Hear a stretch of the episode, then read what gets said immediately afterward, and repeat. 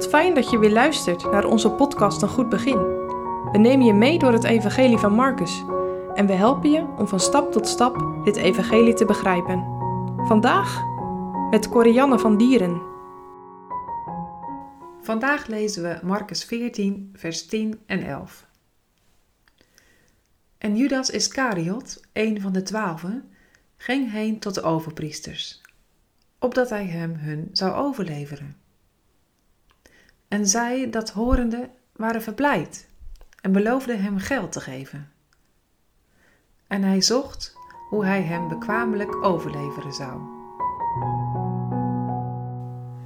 Terwijl je in de trein een podcast luistert, haalt je overbuurman zijn telefoon tevoorschijn. Een iPhone 12. Wauw! Jij blij dat jouw oude Samsung diep in je jaszak zit.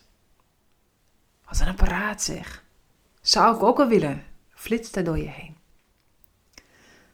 Hebbes. Daar heeft iemand je te pakken. De duivel weet je af te leiden van waar je mee bezig bent en doet je verlangen naar iets moois. Hebzucht was de boezemzonde van Judas. Geld, daar was hij op uit. En misschien was dat wel zijn motief geweest om Jezus te volgen. Als penningmeester zat hij dicht bij de kas. Gisteren lazen we dat hij een flink kapitaal was misgelopen. 20.000 euro aan nardusolie was zomaar weggestroomd. Maar nu krijgt hij de kans om toch nog wat te verdienen aan Jezus. Een kans die hij met beide handen aangrijpt. Judas is een stiekeme vijand. Hij maakt een afspraak met de overpriesters om de Heer Jezus te verraden. Flinke meevallen voor de tegenstanders. Een van zijn volgelingen die zijn diensten aanbiedt. Dat hadden ze niet verwacht. Het is de duivel die Judas en de overpriesters bij elkaar weet te brengen. Hij weet die nette Judas te misleiden en maakt hem zijn krijgsgevangene. Hebzucht en dodelijke vijandschap komen hier samen. Ze passen perfect in het plan van de vorst der duisternis. Hij vindt hier mensen die hij kan verslinden. En daar zoekt hij nog steeds naar. Ook nu. En constant ligt hij op de loer. Hij kent je en hij weet wat je zwakke plekken zijn. Soms heb je al toegegeven aan een verzoeking voordat je er goed en wel erg in hebt. En zodra je toegeeft aan een zonde, verdubbelt de Satan zijn aanval. Judas' verlangen naar geld was zo'n zwakke plek. Dertig zilveren penningen kon hij verdienen. Het bedrag wat normaal gesproken betaald moest worden voor een dode slaaf. Zo'n vier maanden salaris van een arbeider. Met deze zak geld haalde de duivel Judas bij zijn meester vandaan en bracht hem naar de ondergang.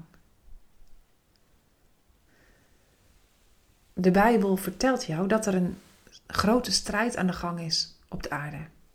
Een strijd tussen God en de overste de duisternis.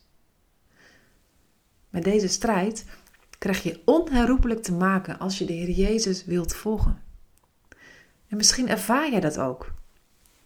Dat je leeft op vijandelijk grondgebied. En dat de duivel er zo goed in is om je te pakken te nemen. Ondanks al je goede voornemens. Je leeft in een tijd waarin God niet centraal staat. En andere principes dan de Bijbelse zijn de norm. Verwarring is er binnen en buiten de kerk. Je zit veel thuis. Je mist vrienden. Je verveelt je. Hoe blijf je staande? Wat kun je jezelf soms zwak en kwetsbaar voelen? En zwak ben je ook.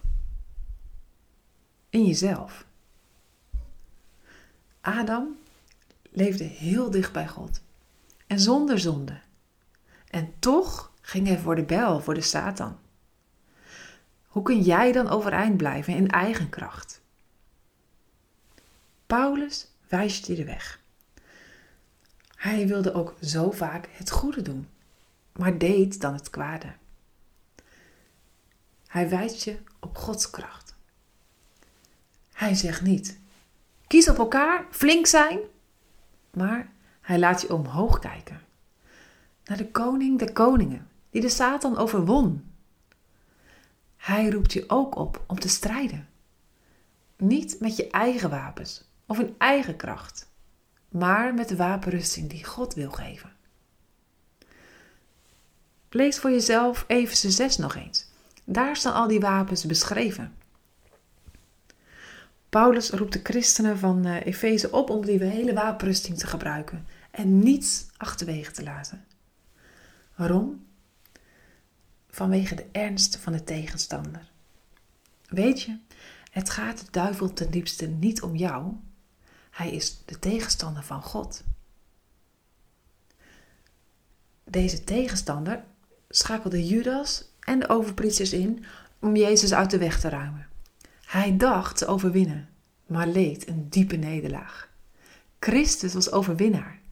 Hij staat aan het hoofd van Gods leger en zorgt voor al zijn soldaten tot aan de voleinding der wereld. Ben jij al zo'n soldaat? Bedenk vandaag bij de plannen die je maakt: kan Jezus erbij zijn? En kan Hij er blij mee zijn?